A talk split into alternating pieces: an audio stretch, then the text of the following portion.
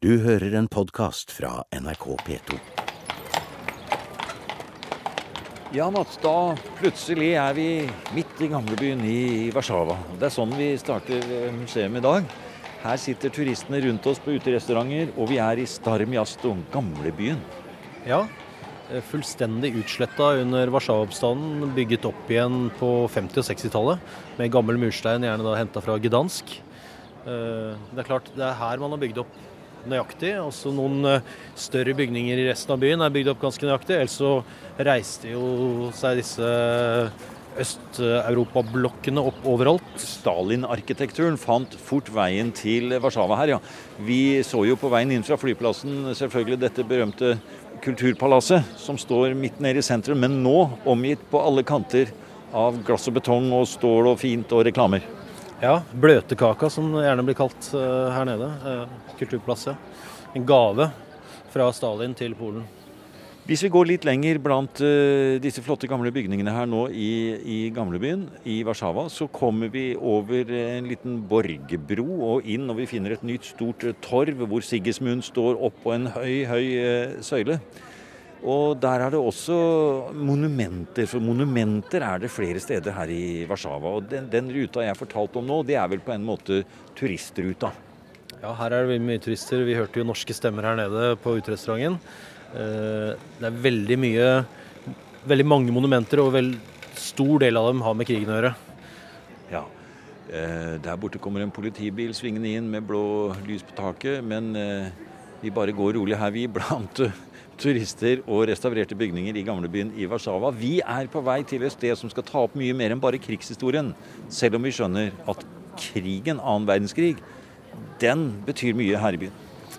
Ja, altså For hele Polen, 15% av befolkningen eh, ble, eh, ble drept. Dette her har gått i bølger, ikke sant. Først gjennom eh, den kommunistiske ja, Kall det gjerne okkupasjonen. Helt fram til slutten av 80-tallet. Og hva som har vært lov å snakke om, hva som ikke har vært lov å snakke om. Hele Warszawa-oppstanden eh, var jo på en måte forbudt historie fram til, eh, til 80-tallet. Så eh, ikke minst jødiske, den jødiske historien var ikke spesielt integrert eh, i det hele tatt. Og Derfor er det veldig viktig nå, det store museet som vi skal se i dag, at eh, en måte å ta dette her tilbake på. Vi spaserer gjennom Warszawa sammen med historiker Mats Tangestuen, som er faglig leder og historiker ved Jødisk museum i Oslo.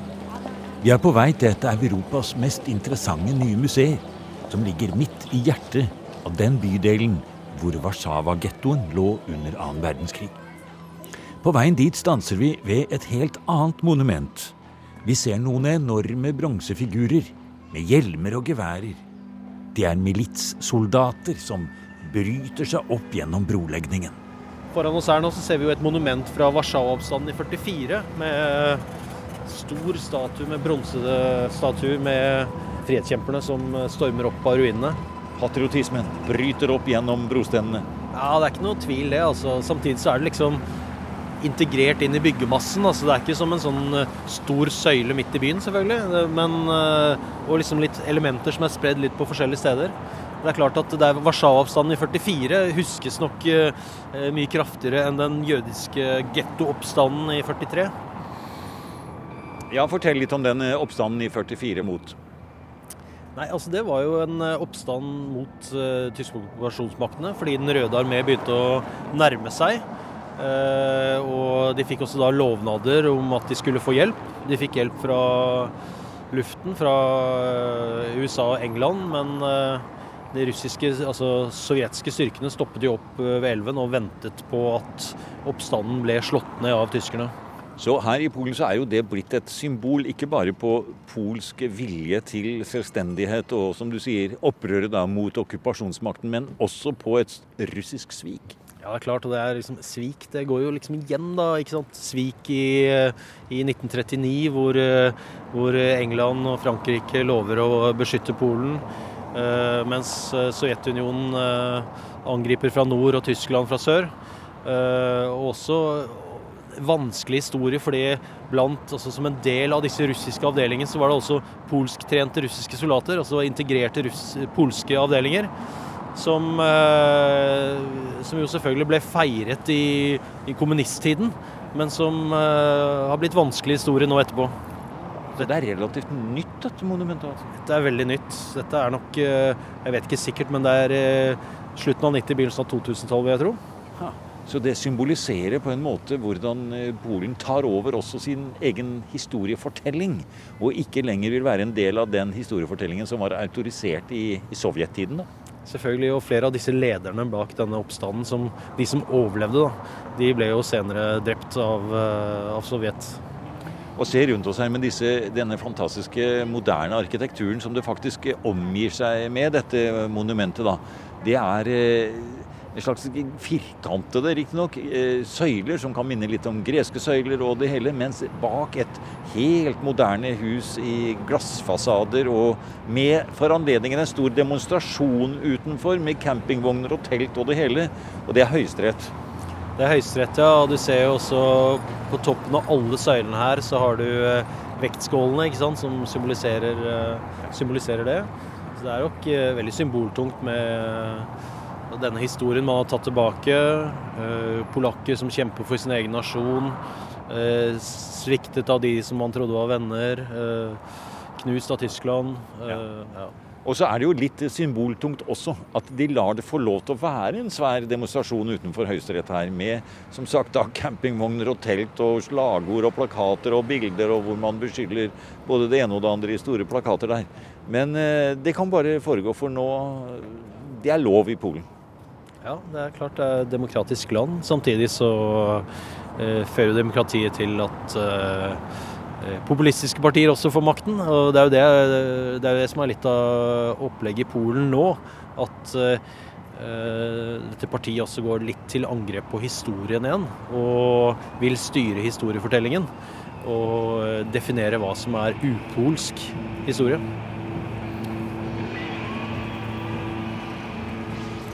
Nå kommer vi midt inn i en eh, skoleklasse her, ser vi. Og vi har kommet inn i en, nesten en liten park. Og her er vi fremme, Mats, ved det fantastiske, store og flotte museet for jødisk historie her i Warszawa. Ja, det er nytt. Det åpna jo i oktober 2014. Eh, hvis du ser på fasaden, så er det, det er en blanding av glass og kobber. Eh, ser du nøyere, så kan du se at eh, på glasset så Eh, er det masse bokstaver, så du kan på en måte minne om skriftruller. Det jeg syns er interessant, er at egentlig litt samme tanke som vi har med Jødisk museum i Oslo, faktisk. At det skal symbolisere jødisk liv. Så det er ikke et uh, holocaust-senter som sådan. Det vil vi se innen også, at holocaust får en veldig liten bit uh, i utstillingen. Men det er klart at her snakker vi om 1000 års historie. Uh, og da blir Krigen er fortsatt viktig, men den er en liten del av det. og Den må ikke overskygge alt som var før. Og ved å fortelle om alt som var før, så forteller man selvfølgelig også om alt som forsvant. Og her ser vi nå skoleklassen. Nå skal vi bare snike oss litt innpå dem. Eh, skal vi gå litt bak her, og det er en polsk skoleklasse, ser vi. De har en omvisning, de har en guide som står og snakker her. Og vi går nå litt inn blant den flokken.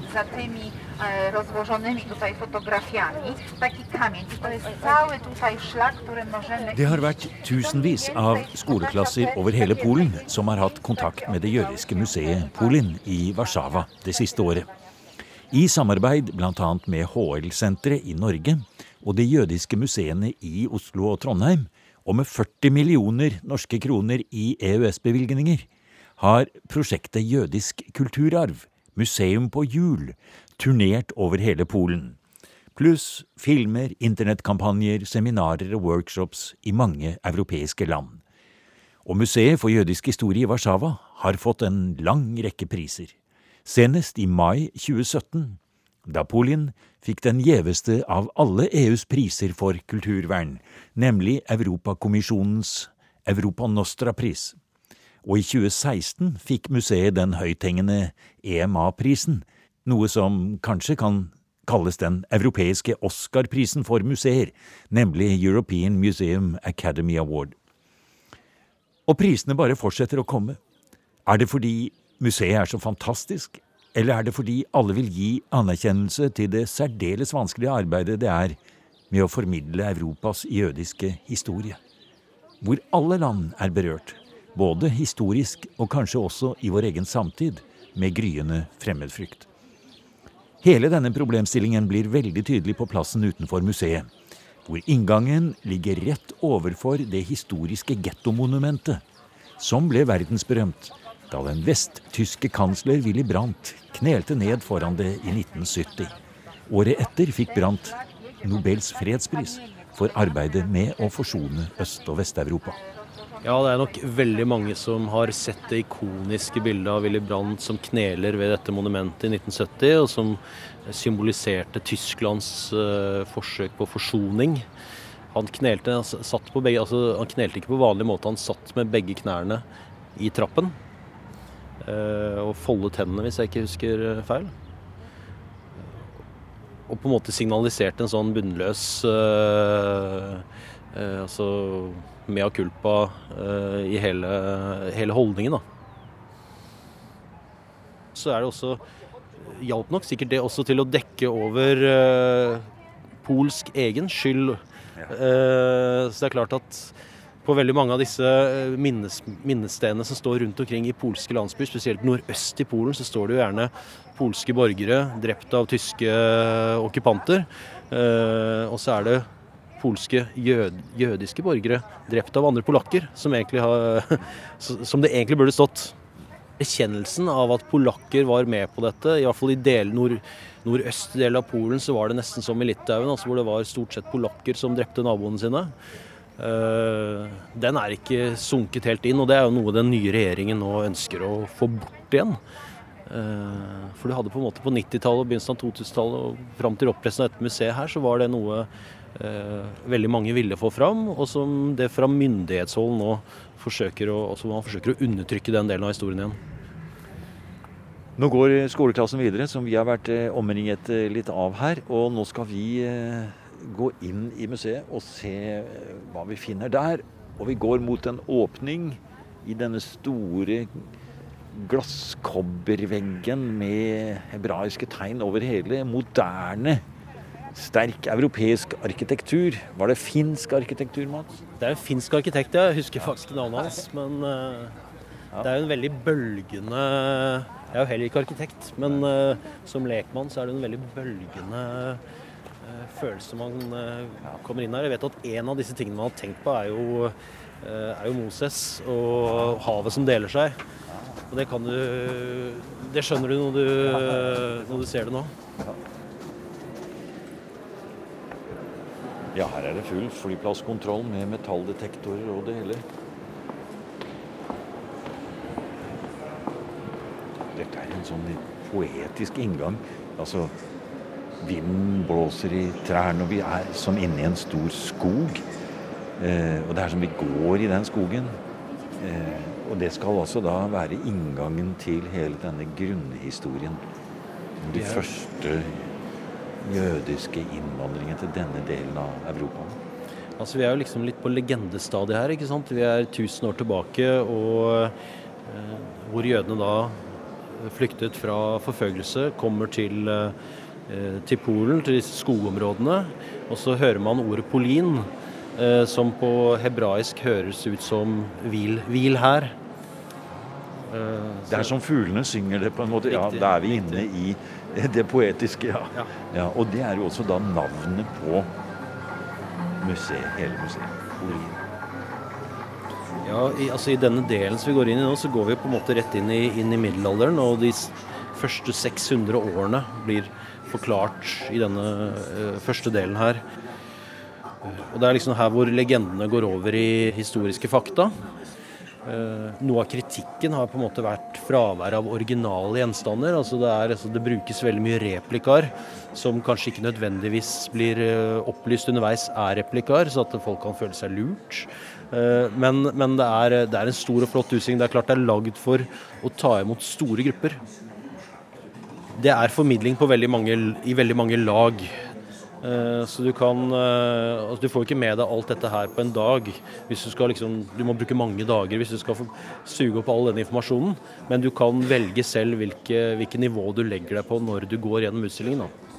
Og Hvis du ser litt på budskapet her, Mats, som vi er inne i denne helt eldste delen, hvor disse store kartene Vi er tilbake på 1100- og 1200-tallet. Så er det til forskjell fra den norske jødiske historien, hvor det kommer en innvandringsbølge på slutten av 1800-tallet og fremover mot første verdenskrig. Ganske enkelt fordi at 1814-grunnloven forbød jo jøder adgang til riket.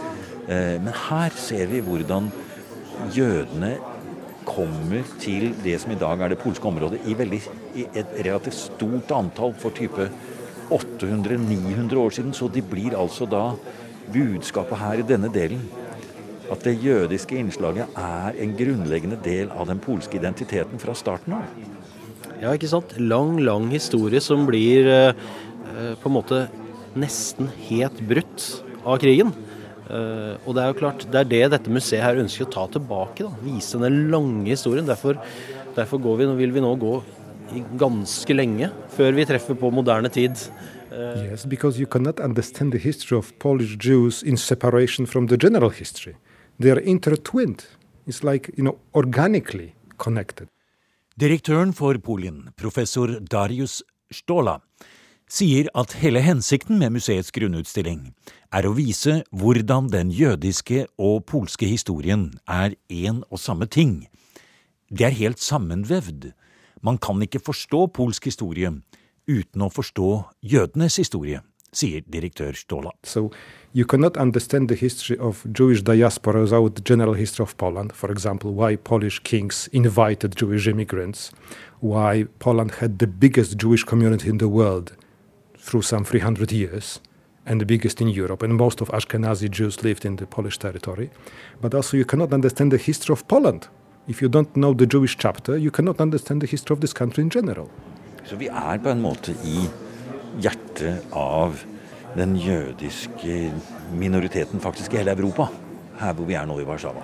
Helt klart, og det er det altså flertallet av verdens jøder i dag kan spore eh, sine altså, røtter tilbake til Polen. Eh, og så har du selvfølgelig sånn som Vilnius, som ble kalt for eh, eh Østens Jerusalem, hvor du hadde, hvor du hadde stor grad av lærde eh, ulike sentre i Europa. Men det er klart at eh, det som er de polske landområdene i dag, var, var hovedtyngdepunktet. Nå går vi over et torv på slutten av 1600-tallet, hvor det er butikker og mennesker og store projeksjoner og lyder som hører til det. Vi kommer nå inn i en jødisk synagoge, som ja, er, i, plutselig inne i Aleksander den store. Nå er vi inne i tsarens Russland, nå er vi inne i et helt annerledes Europa. Og vi ser vi går som inne i et stort palass, kan man nesten si plutselig her nå. Uh, ja, man må jo bare være imponert. Og så plutselig et helt jødisk rom. Og så et nytt sceneskifte. Det er så typisk uh, dette museet. Nå er vi inne i en brolagt gate. En stor gate. En, en, en polsk gate, da. Men med jødisk uh, innslag.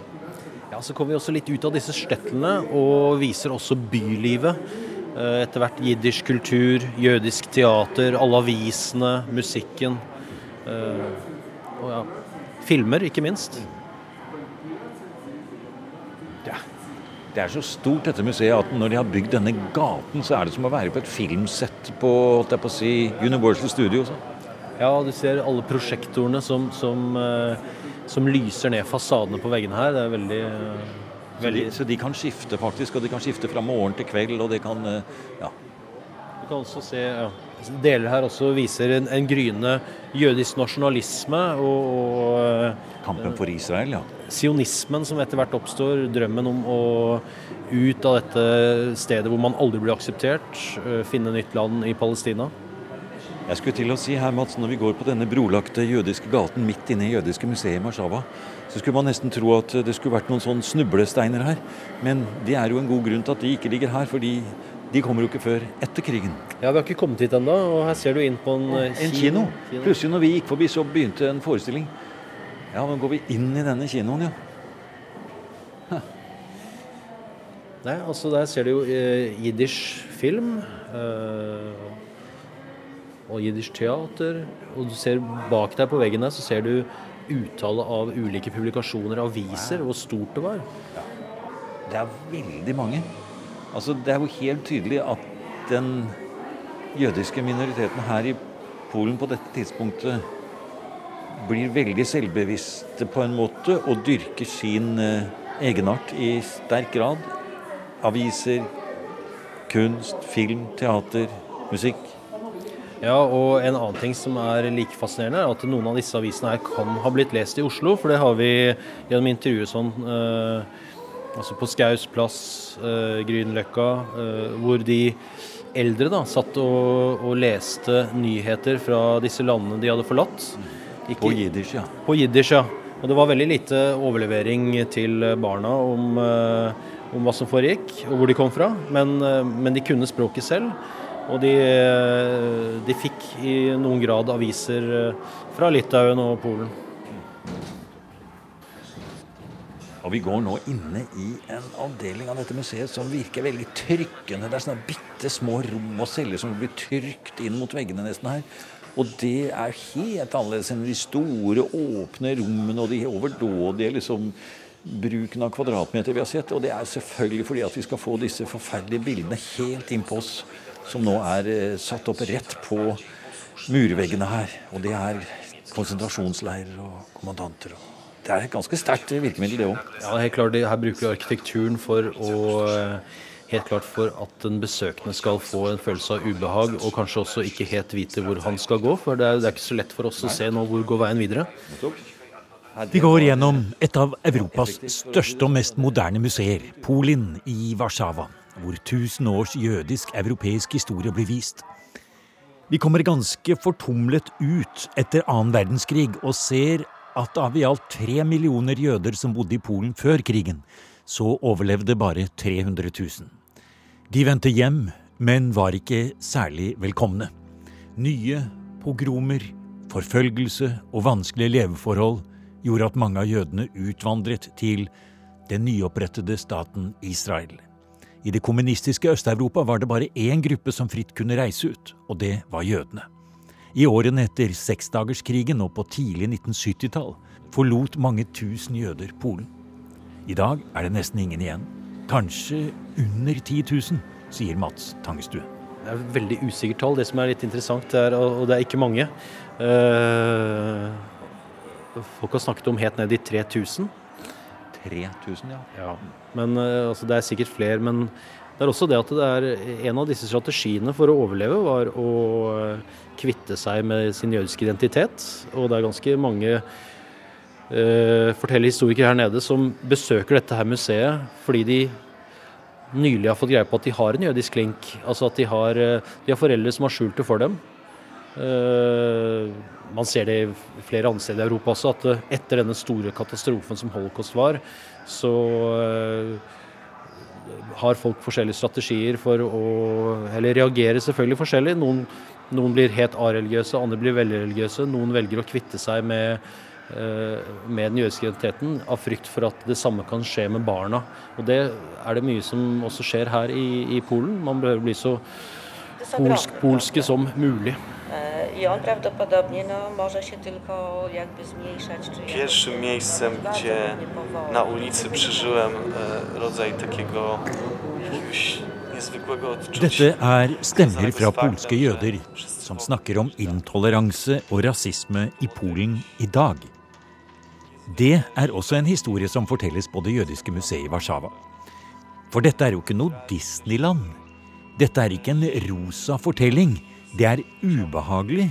Og det legger vi ikke skjul på, sier direktør Darius Ståla. Men likevel kommer publikum i store mengder. 400 000 besøkende per år hittil. Og de stoler på det vi forteller. De anbefaler museet til andre, sier Ståla. because the, between 85 and 95 percent of the visitors, and we ask a random sample of uh, visitors who leave the core exhibition, uh, declare they will advise their friends and family to come here, so they must like it. But you know, this is not a Disneyland. This is not a theme. We show a very complex and sometimes very difficult and dramatic past. We know we show anti-Jewish violence on different stages. So this is not funny. This is not a Disneyland, and still people like it. And we suppose that what they appreciate is that we show that the past was complex and we show it in a we are reliable we don't cheat it's not a rosy picture we show things as we believe they really happened the exhibition was prepared by the best experts in the field you know best historians from poland and from abroad who were working on it so i think th- this is the expression that the visitors trust us that they believe what we have shown them is a reliable picture of the past, and they appreciate it. They appreciate when people frankly say, uh, you know, it's good to trust someone, and I think they trust us. Du har nå hørt en podkast av programmet Museum fra NRK P2. Og send gjerne en e-post til museum krøllalfa nrk.no.